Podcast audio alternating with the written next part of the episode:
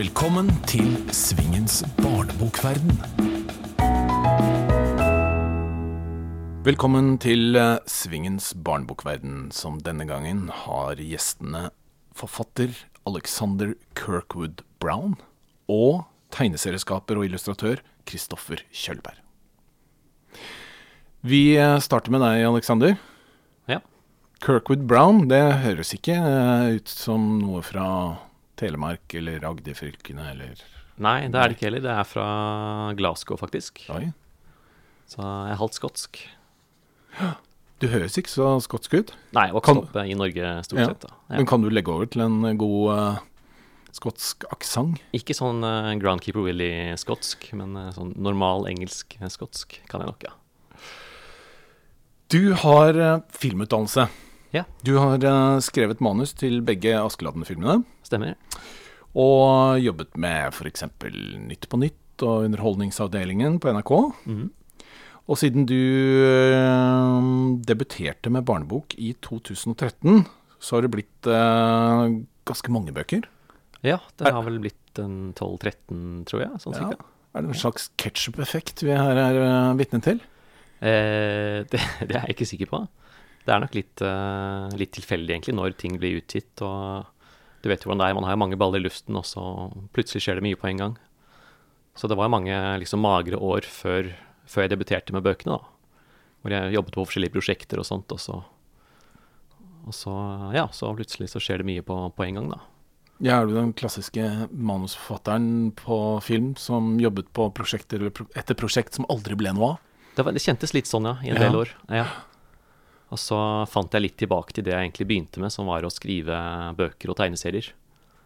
Og så ble det litt forløsende, og så skjedde det ting på filmfronten etter hvert også. Så er det litt sånn at, at arbeid genererer arbeid, på en måte. At folk blir klar over hva du har gitt ut, og hva du kan og sånt. Så da, da får man flere tilbud etter hvert.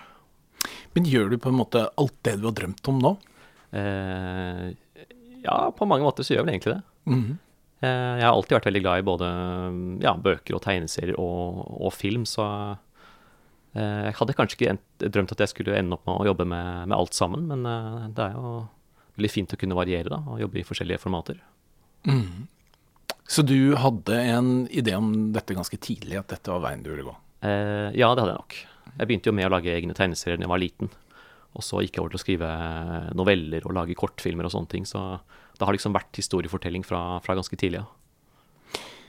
Men du debuterte med barnebok, altså Elgen Geir, i 2013. Ja, eller det var vel Jeg debuterte vel på en måte med to bøker eh, omtrent samtidig. Men dette var barneboka. Det var barneboka. Ja. ja. Hvorfor ble det barnebøker? Hvorfor barnebøker? eh, det er et godt spørsmål. Det er liksom bare det jeg liker å, liker å skrive. Og det jeg føler at jeg er eh, best til også, egentlig. Det er det som passer liksom min, min stil og, og humor og den type ideer jeg får, da. Hadde jeg fått flere voksenbøker-ideer, så ville jeg skrevet ut. Men det er liksom barnebokideene som, som kommer, som regel. Din humor, sier du, det ble jo ganske fort mye spenning. Ja. ja, jeg gir jo ut en del grøsser og sånne ting også. Ehm, jeg liker kanskje å skrive ting som er liksom litt, litt høynet, da. Det gjelder jo også grøsserne, da. Høynet, hva legger du i det? er litt ehm, Det må ikke nødvendigvis være så én-til-én med hvordan hverdagen er, da. Det kan være litt, litt overdrevet og kanskje litt karikert og ja, litt, litt større enn det virkeligheten er. Og det, det er litt lettere å få til en barnebok, tror jeg kanskje. Jeg tror voksenbøker så er man kanskje litt mer avhengig av å Eller kanskje voksne trenger litt mer sånn hverdagsskildringer og føler at det ligner litt mer på, på nøyaktig hvordan deres liv er, for å kunne leve seg inn i en historie. Mens barn aksepterer i litt større grad at eh, sånn er det bare i den, den boka her, i den verden her. Tror jeg, da. Jeg, jeg vet jo ikke om det, det stemmer, men eh, Ja, for i starten så var det jo eh, en del skumle historier i Mørkets utvalgte. ja, En stemmer. slags eh, konkurrent til Morg Bein-serien. Ja, det var jo det. Ja. Men så dukket det du kanskje har profilert deg mest på de siste årene, som var Edvard Rubicon. ja. Hvor kommer han fra? Eh, Tittelen kommer egentlig fra en eh, novelle. Jeg tror det var en veldekonkurranse for Jeg lurer på om det kan ha vært Cappelen Dam. Og jeg skrev en novelle som het eh, Edvard Rubicons mysterier. Eh, jeg vant ikke konkurransen helt fortjent. Det var en ganske dårlig novelle.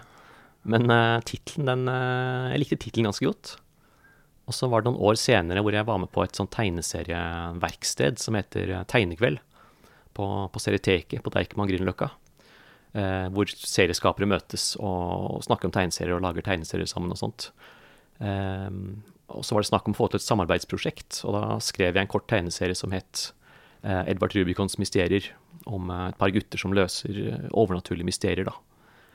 Eh, og blant de andre tegnerne som var der og, og tegnet ut det her, var Andreas Iversen. Som jeg da ble kjent med, og så syntes vi det er gøy å jobbe sammen. Så fortsatte vi å utvikle den karakteren her og det universet.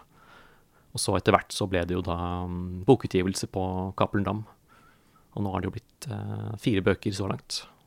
Og det blir flere? Det blir i hvert fall én til. Mm -hmm. Dere tar én av gangen? Det er én av gangen, ja. ja. Hvem er Edvard Rubicon? Han er eh, en litt sånn blek og uvanlig gutt som går kledd i litt sånn 1800-tallsklær. Som, eh, som, løser liksom overnaturlige mysterier og, og, kjemper mot monstre i en litt sånn mystisk småby som heter Grimsrud. Eh, inspirert av sånn X-Files og eh, Tim Burton-filmer og, og, litt den type ting. Så det er, eh, det er halvt prosa og halvt, halvt tegneserie. Sånn hybridformat. Hva er det som er appellerende for deg ved det å skrive om han? Eh, jeg er jo veldig glad i, i skrekk da, og monstre og mysterier. Ser du mye skrekkfilm? Det gjør jeg. Ja. Det gjør jeg. Ja. Dessverre liker ikke samboeren min grøssere, så jeg må se dem når hun har lagt seg eller er borte. eller noe sånt. Ja, jeg må også se dem helt alene. Ja, ikke sant. Ja, ja da er det best også.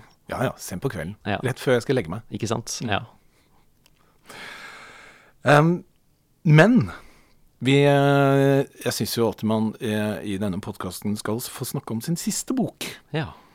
Og du har jo da eh, en ny bok som heter 'Norges ninjakommandør'. Den sanne historien om Arne Treholt. Ja, stemmer.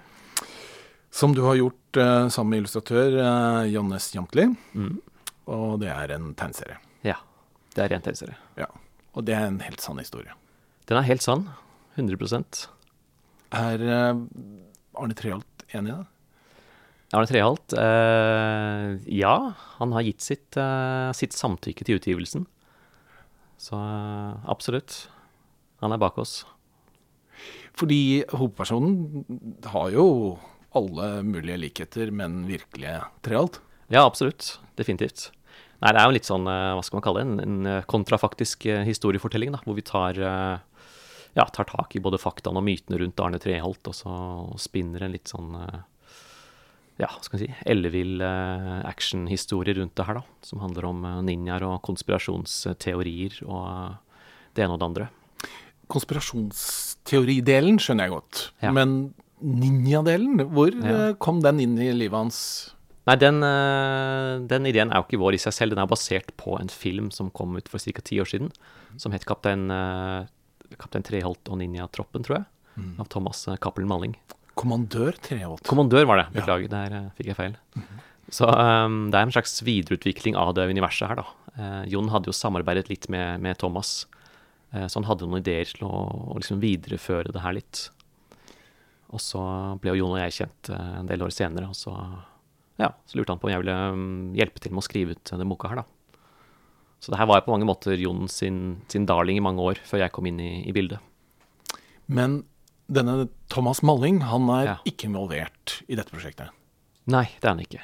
Han er bare lest og, og godkjent eh, sånn eh, underveis, da. Hva er det som fascinerer oss så veldig ved Arne Treholt? Det er jo litt den følelsen av at man eh, At alle faktaene ikke er på bordet, da.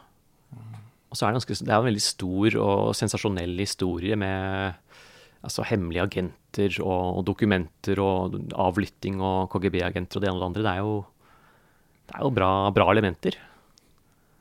Ja, fra den kalde krigens dager. Ja. Og din historie er også lagt da til 80-tallet. Stemmer. Det her var jo, ja. Å legge den til i dag, det ville vært uh, vanskelig. Ja, det ville vært vanskelig. Det var jo på 80-tallet først og fremst uh, Arne var aktiv som ninja. Ja, det var det òg, ja. Så for meg var jo det her en, en, en gyllen mulighet til å, å, dykke ned i tegneseriesamlingen min da, og lese opp i en sånn Action Force og Fantome og det jeg leste på den tiden. Og liksom prøve å, å gjenskape den feelingen da, i en, i en tegneserie. Så du har ikke gjort den samme tabben som jeg har gjort, å kvitte deg med hele tegneseriesamlingen? Nei, nei, det hadde vært helt uaktuelt. Ja, det var eh, for så vidt uaktuelt for meg, tror jeg, både uka før og uka etter jeg gjorde det. Men det var en eh, svakt øyeblikk der hvor jeg eh, tenkte at nei, dette har jeg ikke plass til. Da var det for sent å få den Da tilbake. var det for seint, viste det seg. Åh, nei, jeg følger med deg der. Men er det sånn at du tenker litt i ruter når du skal eh, skrive en tegneserie? Eh, i- ja, det var kanskje mer sånn før, i starten når jeg skrev eh, tegneserier, tegneseriemanus. Så skrev jeg nok litt mer detaljert sånn ruteoppsett, hvordan det skal se ut, og det og det skjer i den ruten, osv. Eh, men nå etter hvert så skriver jeg det litt mer som et filmmanus, nesten. For jeg vet at eh, illustratørene som regel har en sterkere sånn visuell sans enn meg uansett. Så da kan de sannsynligvis eh, designe her på en bedre måte enn jeg kunne. Du har erfaring fra Donald. Ja, Har det hatt noe å si når du jobber med tegneserier ellers? Um, ja, til en viss grad. Det er veldig mange regler i, i Donald. Hva du kan og ikke kan gjøre, og de har et veldig sånn fast oppsett. Det er liksom seks ruter per side, og det skal se sånn og sånn ut. og um, Hva er det du ikke kan gjøre i Donald? Det er ganske mye. Ja, kan du gi meg noen eksempler? Eh, Ikke banne. ikke banne. Det skal ikke være noe politisk. Ehm, Men nakenhet er ok, for Donald går jo aldri med bukser. ikke på stranda. På stranda skal de ha på seg badebukser. Ja, det er sant. Men ellers så skal de ikke, ikke ha bukser. Og så er det jo mye de karakterene kan og, og kan ikke gjøre og sånt. da.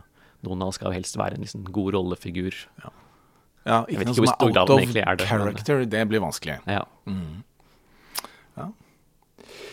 Em,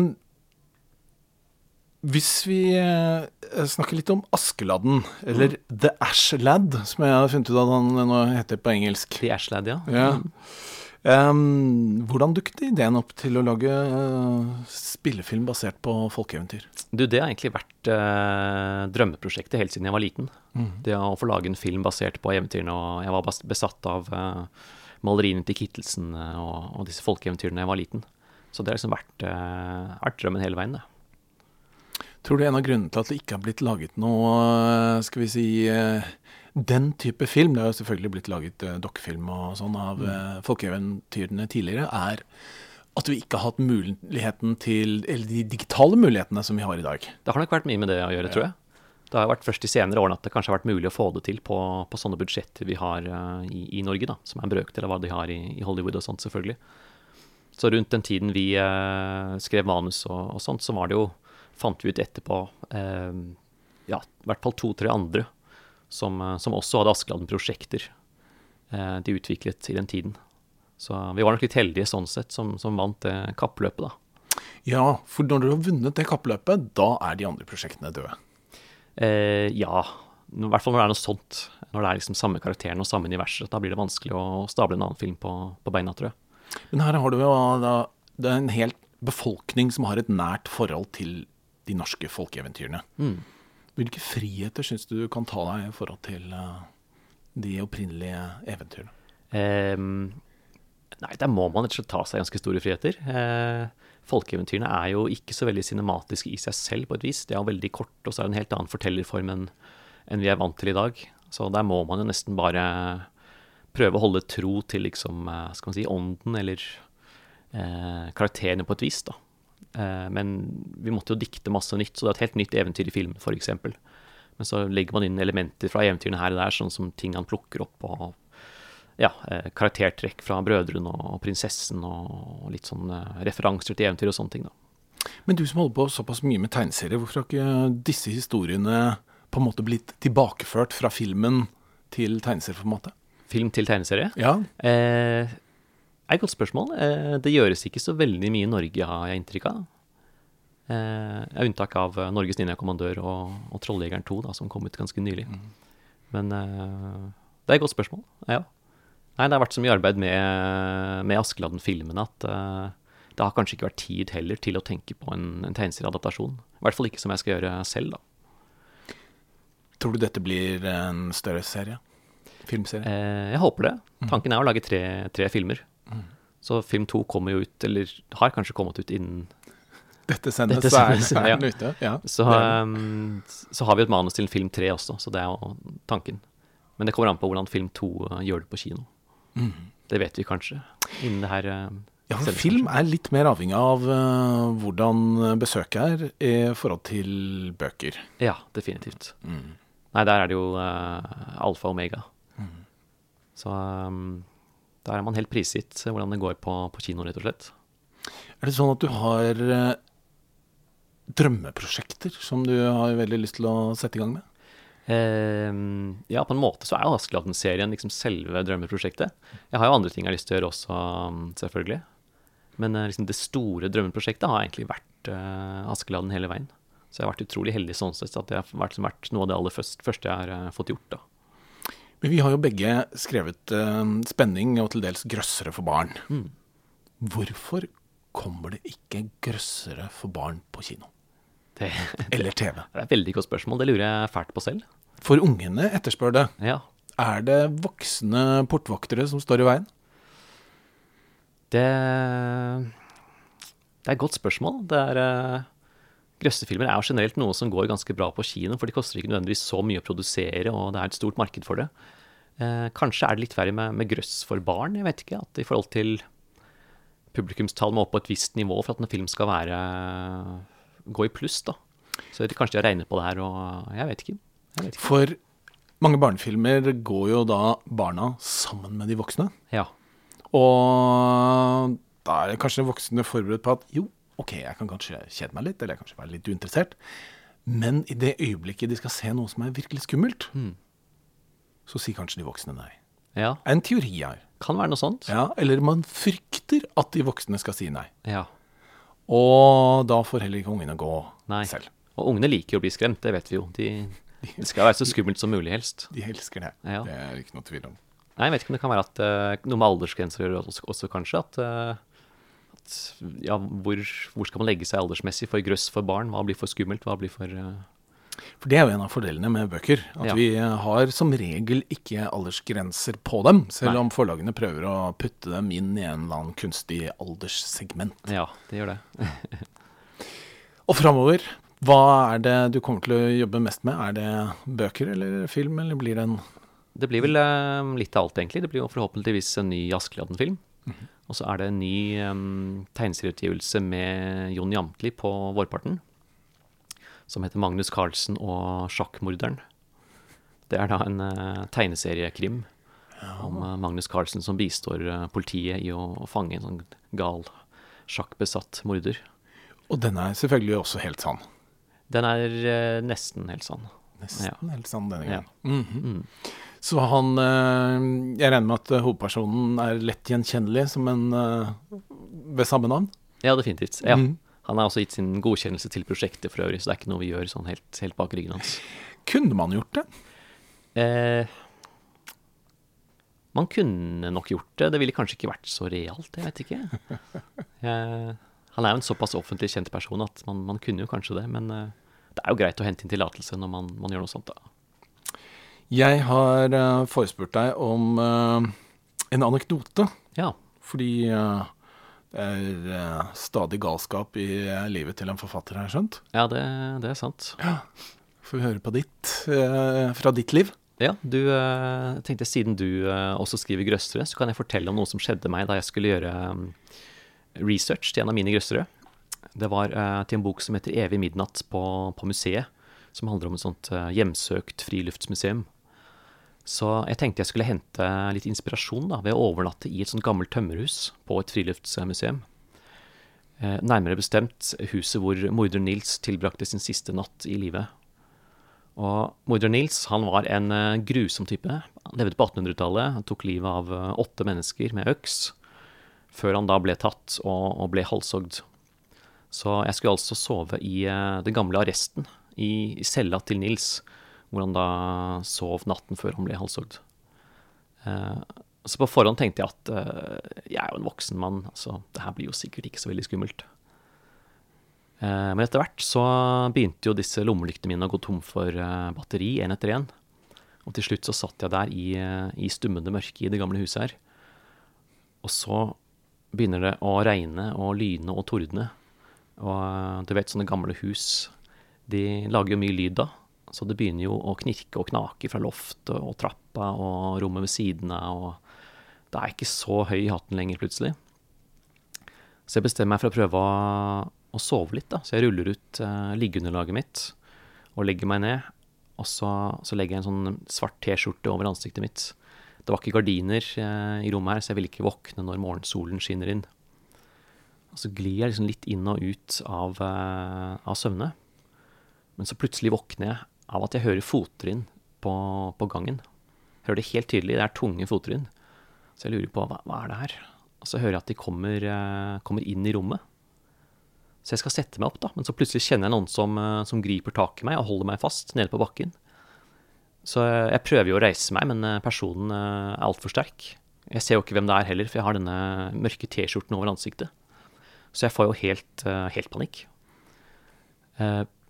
Plutselig så slipper personen eh, tak igjen, og jeg setter meg opp med et trykk og, og river av meg T-skjorten.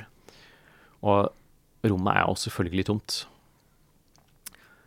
Så i etterkant så har jeg skjønt at det her sannsynligvis var eh, et uh, ubeleilig tilfelle av søvnparalyse. Hvor man da er i en sånn søvnmodus. Kroppen er paralysert, men man liksom våkner inni en drøm på et vis. da.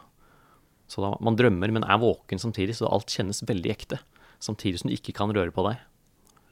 Så, men der og da så trodde jeg at det var uh, morder Nils som hadde kommet for å kverke meg eller uh, ligge i skje eller, uh, eller verre. Så det var en skummel natt. Jeg vet om et TV-program som ville tatt det helt på alvor.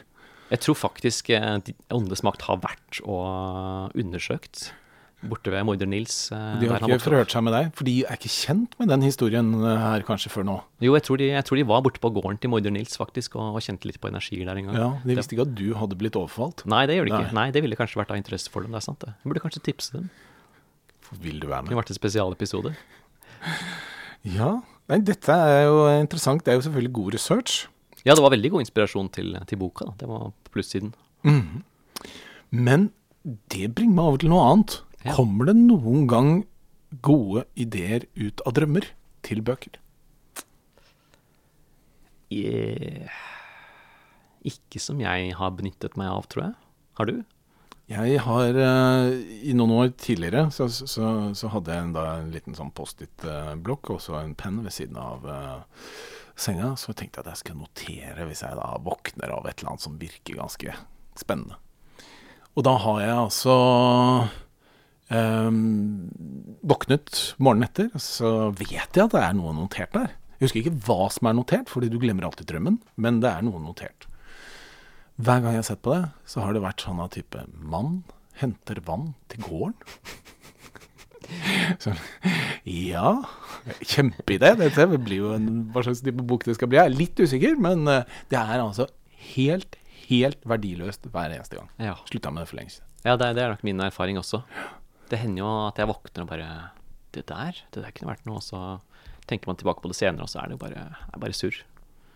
Tror jeg det er eh, på tide at vi får inn en uh, ekspert på drømmetydning. Uh, det er nemlig Kristoffer uh, Kjølberg.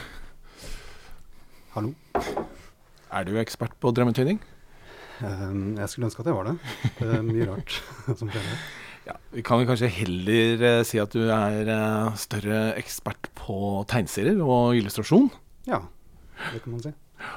Så selv om dere to holder, begge holder på med tegneserier, så kan vi si at du kanskje er i, mye mer i humorenden, og du er mer i uh, spenningsenden. Uh, blir det riktig? Ni nikker begge to her? Ja. ja. Nikking kanskje ikke riktig for radio. Er, er det, kunne deres eh, skal vi si stier krysses noen gang? Kunne, kunne du eh, drevet med hardcore eh, grøss, f.eks., Kristoffer? Jeg vet ikke helt. Jeg er veldig lettskremt, så jeg vet ikke om jeg hadde turt det. Nei, det er ikke min favorittsjanger, må jeg si. Men det kan jo være spennende å lese litt spennende historier. Men jeg, jeg er ikke jeg kan falle litt av lasset når det er eh, for overnaturlig, tror jeg. Det må være litt grunnet i hverdagen, på en måte? eller? Ja, helst. Ja. ja. Jeg er veldig glad i hverdagen. Mhm, ja. Hverdagen er fin, den. Hva med deg og humor, Alexander? Eh, ja, det er jo en del humor i eh, Edvard Rubicon-bøkene, f.eks. De, eh, de er jo litt sånn eh, hva skal vi si, tull, tullegrøss, er det noen som har kalt det for. At, eh, ja. Det er litt sånn eh, blanding av spenning og, og humor, da. Men det er, ikke, det er vel ikke rendyrket humor, det er det ikke. Det er som regel med en annen, en annen sjanger jeg skriver. Eh, Forfatteren Somerset Maum han eh, sa en gang Få en leser til å le av at han vil tro at du er en overfladisk fyr. Men kjed ham på riktig måte, ditt navn er sikret for ettertiden. Er det noe sant i det, Kristoffer? Jeg får håpe det, da. Jeg føler at det, at det kan sikkert passe til meg, det. At du er en overfladisk fyr? Nei, at jeg er mer sånn som eh, kan kjede folk enn å få det til å le. Ja, men du har jo en veldig humoristisk strek. Ja, jo da. Det, jeg håper jo det. Mm. Er det tilfeldig at det ble sånn? Tegnet du i forskjellige retninger, og så på en måte tar man og bruker litt tid, og så finner man på en måte sin mest komfortable stil? Ja, altså jeg vil jo si at sånn stilmessig så er jeg jo fortsatt under uh, utvikling. Men uh, jeg, alt kommer jo på en måte fra Donald. Det er sånn der det starta. Og det er jo helst der jeg vil være også, i Disney eller i Andeby. Men vi har jo norske Donald-tegnere. Er det noe du kunne klart, tror du? Nei, det tror jeg ikke. Det er sånn som Alexander sier, at det er for mye Eller at det er mye regler, da. Mm. Jeg tror ikke jeg ville eh, holdt ut alt det, alle de reglene. Men du snakker om at du fortsatt er under utvikling. Uh, er det noe tidspunkt man ikke lenger er under utvikling? Jeg håper jo ikke det. Jeg føler at det er noe, noe av drivkraften. Å prøve nye ting og prøve å forbedre meg. Så jeg tenker jo da at hvis, hvis jeg merker at jeg liksom ikke har fornya meg på en stund, så da er det noe galt, da. Da mangler jeg en eller annen drivkraft eller en inspirasjon.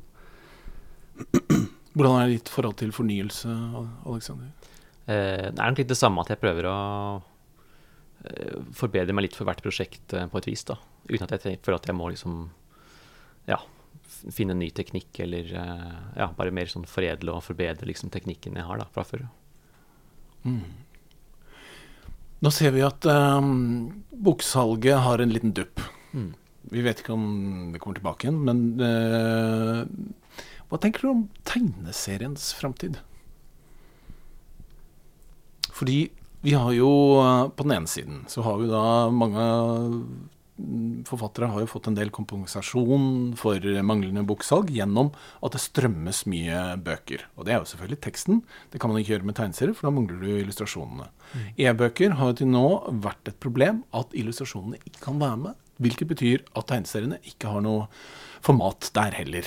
Nå kommer nok Nå er det apper på gang hvor det da eh, er større muligheter. Så det kommer nok til å skje ting der framover. Men hva tenker dere?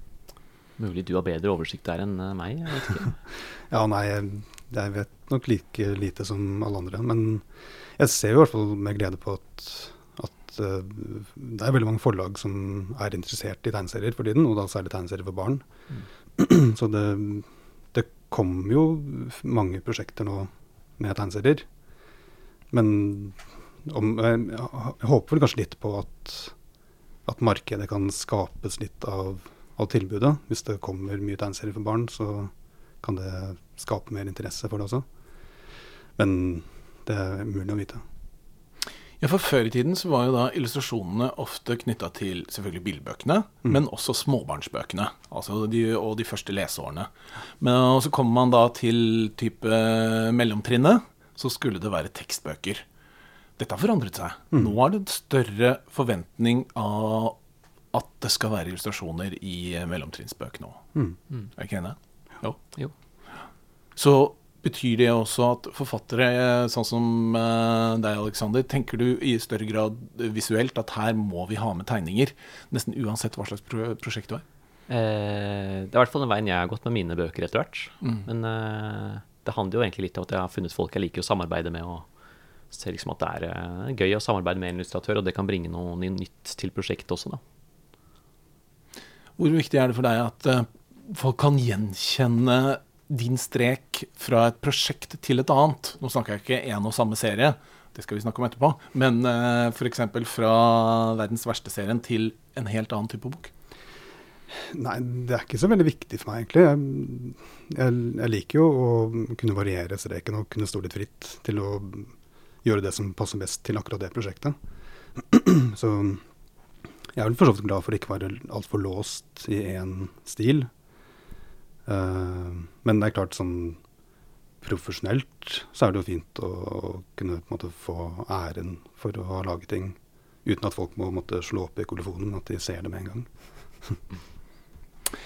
Jeg har bedt dere om et spørsmål til hverandre. Jeg lurer på, Skal vi begynne med ditt spørsmål, Kristoffer, til Aleksander? Mm -hmm. Ja, jeg lurte på hva er din favoritt-Donald-historie? Favoritt-Donald-historie? Oi. Jeg føler at det er en sånn fin måte å bli kjent på. Sånn jeg har lyst til å velge noe fra Skrues liv der, men uh, Altså Don Rosa? Don Rosa Det må nok være Don Rosa, i hvert fall. Mm. Eh, kan jeg si hele Skrues liv-samlingen av Don Rosa? Ja, det Ja. hvorfor ikke? Ja, da, da går jeg for den. Skal vi ta ditt spørsmål, eh, Aleksander?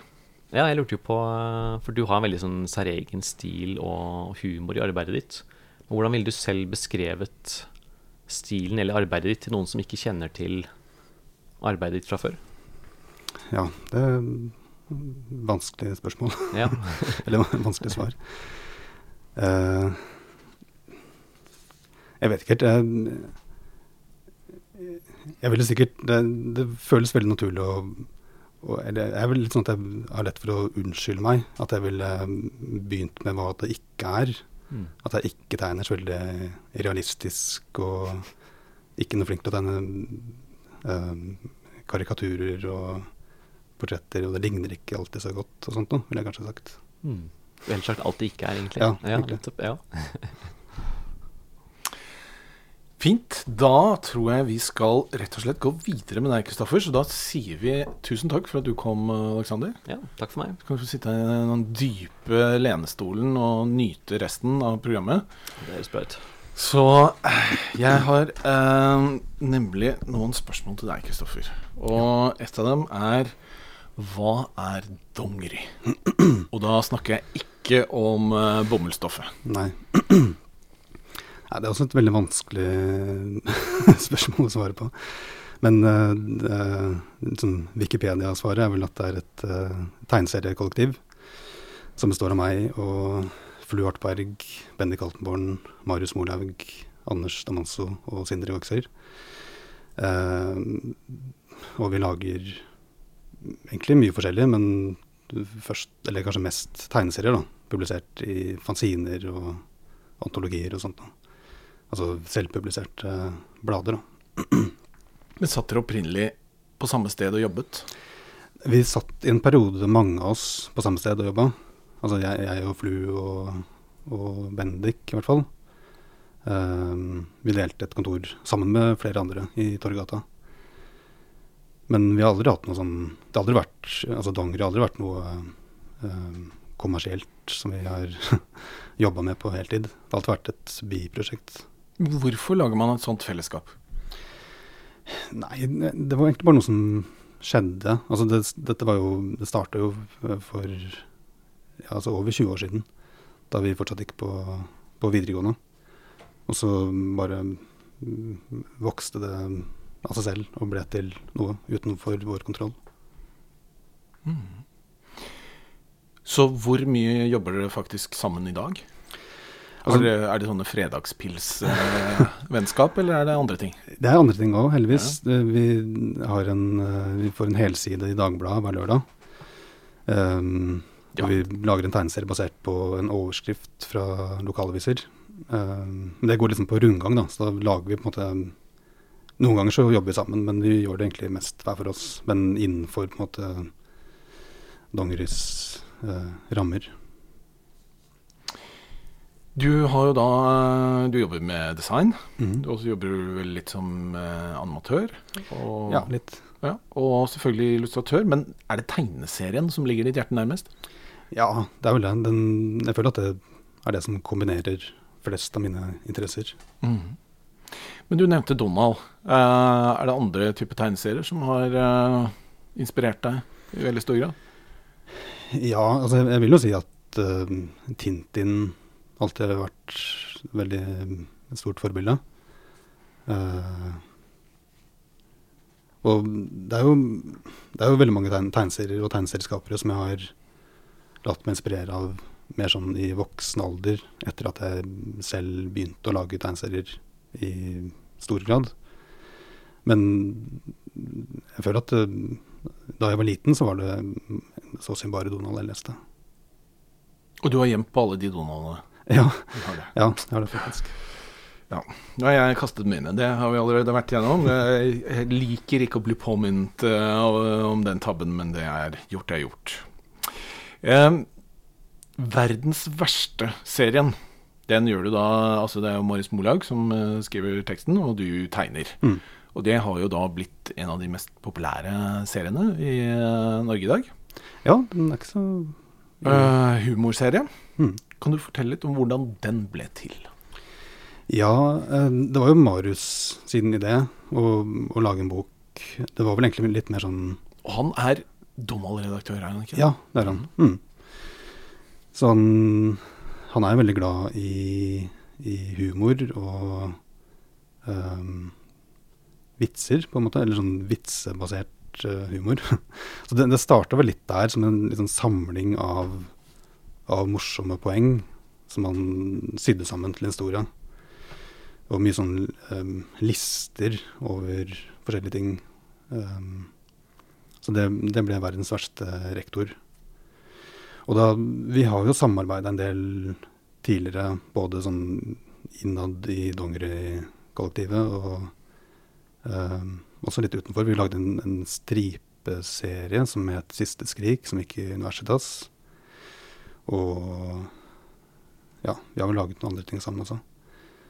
Så jeg, jeg tror kanskje at han tenkte litt på meg da han, da han skrev den boka, at han så for seg mine illustrasjoner. Så jeg var med ganske sånn fra starten av da vi gikk til forlaget med den. Eh, Men her er dere jo ute på i et farlig område. Humor for barn. Som ofte er noe annet enn humor for voksne. Hvor bevisst er du f.eks. i dine illustrasjoner at dette har en kjerneleser som er jeg vet ikke, ti år Mm. eller rundt her? nei, jeg tenker ikke så mye på det. Jeg tenker at, at det heldigvis finnes flere sånne sikkerhetsventiler som kan stoppe det hvis det blir for ille før det går, på, før det går i trykken. Det hender at eh, noen av tegningene dine blir stoppet. Eh, ja, om ikke stoppet, så kanskje moderert, i hvert fall. Er det selvsensur, eller er det da andre som kommer inn eh, med innspill om at dette er kanskje hakket for drøyt? Altså, Marius er veldig flink til å skrive anvisninger til meg, på en måte, når han, altså hva slags illustrasjoner han vil ha. Så det hender jo at jeg kanskje sensurerer allerede da. Eh, enten fordi jeg tror at, eh, at det ikke passer, eller fordi det rett og slett er for vanskelig å tegne. Um, men så har det vel også kanskje vært tilfeller hvor jeg har tegna tegninger, og så har redaktøren bedt om litt mindre blod, kanskje, og sånt noe. Har du noen teori om hva det er som gjør at uh, disse bøkene treffer ungene så godt? Jeg tipper det er flere ting. Altså, den, den surfer jo litt på en liksom, bølge da, med sånn Timmy Tabbe og Pingle og sånn? Pingle. Og, ja. Mm. Uh, og det at det er en, etter hvert en litt sånn stor serie, tror jeg uh, har mye å si. At, uh, at det bare er selvgenererende oppmerksomhet. Og, og så er det det at Marius er veldig flink til å uh, promotere den selv. Da. Så han reiser mye rundt og, og leser for barn på biblioteker og skoler og bokhandler og sånt. Da. Og så håper jeg at det er et snev av kvalitet også. at det har noe å si. For i år så holder du på med mm, flere prosjekter. Mm. Og det blir jo mer humor i en serie som heter Drittungene, rett og slett. Mm. Og den første boka kommer nå vel nå i høst, som heter Antifestkomiteen. Ja. Og skrevet av Bjørn Ingvaldsen. Mm. Så det handler om pølsa, Gregor, Katti og Søla. Stemmer. Eh, Hva slags type bok er dette? Det er en tegneserie. Um, og den er jo Den er jo også i humorsjangeren, men det er ikke sånn Det er ikke den elleville humoren, på en måte. Det er litt mer sånn er, Jeg vil si at det er litt sånn lun form for humor, men, men samtidig så handler det jo om, om noen barn som vil ta hevn over den ene slemme jenta i klassen som ikke har invitert i, til bursdagsfesten sin. Så det er ikke bare snilt heller. Men samtidig kommer du da med en ny og helt egen serie. Mm. Det er Avisgjengen, første bok, etter leggetid. Den er ikke fullt så humorbasert. Mm, nei.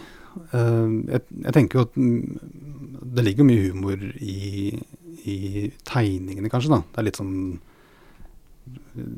Her tegner jeg på en måte sånn som jeg aller helst vil gjøre det. I en litt sånn Donald-aktig stil. Så hvis man liker den type humor, så kanskje man syns at tegningen er morsom. Det er litt sånn gummiansikter og sånne litt sånn animert humor, på en måte. Men uh, ja, nei, det er ikke så veldig morsom uh, sånn tekstmessig. Utgis det skoleaviser fortsatt? Jeg, jeg googla mye, prøvd å finne ut av det. Det, det. De driver jo med skoleavis på skolen, men det er jo digitalt stort sett. da. Og i din bok så er den på papir. Ja. Mm. Mm. Så den er litt retro. Ja. Har du mobiltelefon? Jeg har mobiltelefon, ja. Ja, de har det. Mm. Eh, Og som de De har det? Ja. ja. ja. Ikke om du har det. Nei. uh, jeg husker ikke om det er noen telefon, mobiltelefoner. Det er vel sikkert Jeg, jeg har ikke tenkt at det er en verden uten mobiltelefoner. Men uh, ja, jeg, jeg var veldig i tvil på om jeg kunne liksom Om det bare ville vært for urealistisk med denne papirvisa. Men ja. Jeg tror at man skjønner Skjønner hvorfor det er en papiravis. Men når det står eh, første bok i en serie, så Mm. forplikter det jo. Mm. Hva eh, planlegger du da framover? Eh, omfanget på serien, eller er det fra bok til bok? Ja, nei, det blir absolutt fra bok til bok. Ja, så, men eh, jeg skulle vel ønske, ønske at jeg liksom var godt i gang med neste bok allerede. Men jeg har ja, den der uh, Antifestkomiteen og flere andre bøker som jeg må lage først. Så den neste boka er veldig sånn på bare på et veldig abstrakt nivå foreløpig.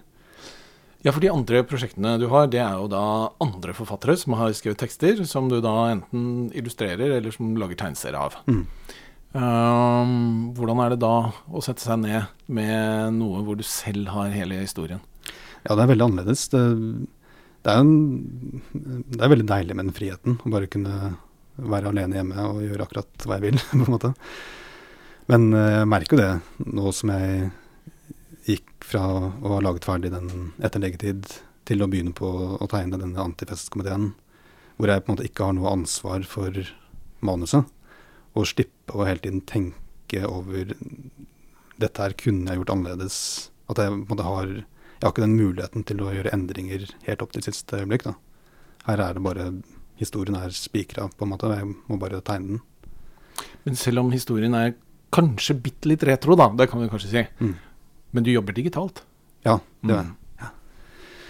Det, det er jeg veldig glad for. at det, det jeg. Em, Går det fortere å jobbe digitalt? Ja, jeg, jeg håper det. Jeg tror det. Jeg velger å tro det. Det er vel kanskje tre-fire år siden jeg gikk liksom helt over til å bare tegne digitalt. Uh, Men er det noe man mister på veien? ja, det er jo absolutt det. Hva da? Jeg vet, det er veldig sånn eterisk. Det er et eller annet med det fysiske forholdet til tegningen på papir. Altså, man mister litt sånn størrelsesforhold. Jeg kan sitte og zoome inn på en tegning og tegne detaljer, og så glemmer jeg meg litt og tegner for mye detaljer, så zoomer jeg ut, og så vil det ikke synes i det hele tatt på trykk. Og ja, det er litt det å kunne liksom bare legge ting utover og se alt under ett, som man ikke kan gjøre i den grad på dataskjermen. Så jeg, jeg er jo nødt av og til til å, til å bare printe ut ting og se på det, og ta på det, på en måte, for å se åssen det blir på Fordi tanken er jo alltid at det skal være på papir til slutt.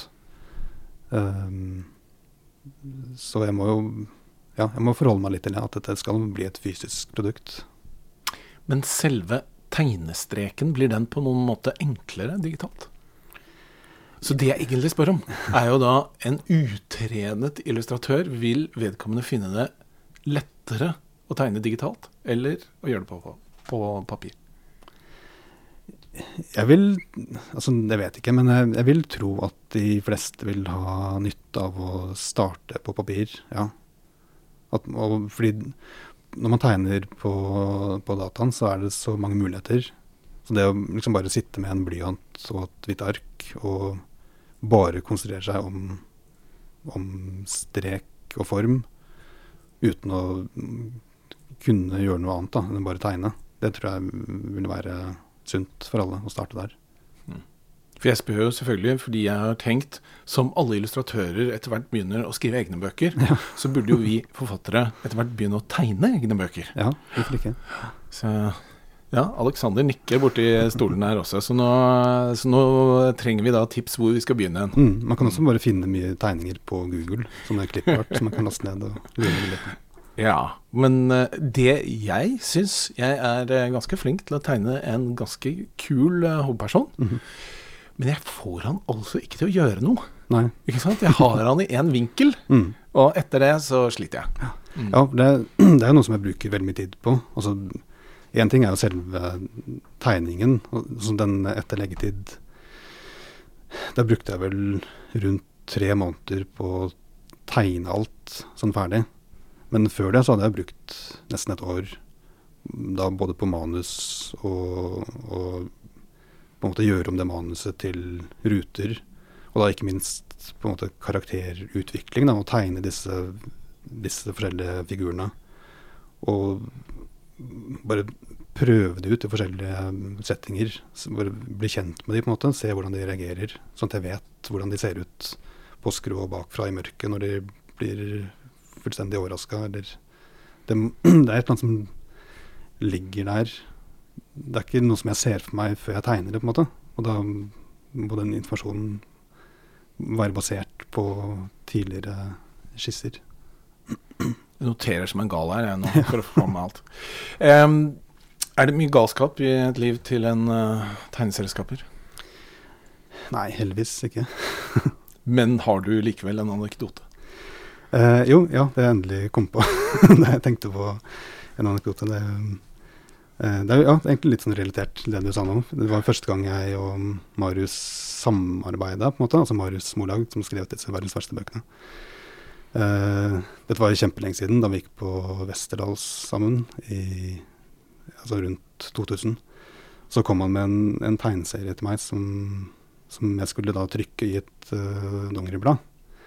Uh, som jeg syntes var veldig morsom. Uh, men jeg tolka det jo som bare en skisse, eller ikke en skisse engang, egentlig bare en, en, et visuelt notat. Han hadde på en måte tegna opp noen ruter med noe tekst og noen figurer.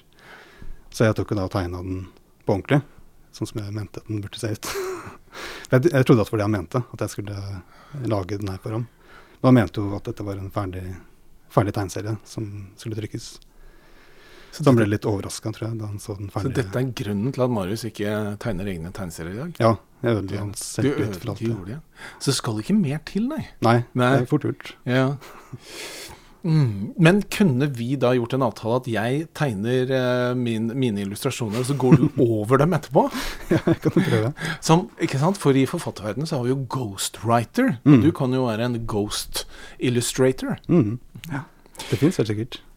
Det syns jeg høres ut som en fantastisk eh, plan, eh, Kristoffer.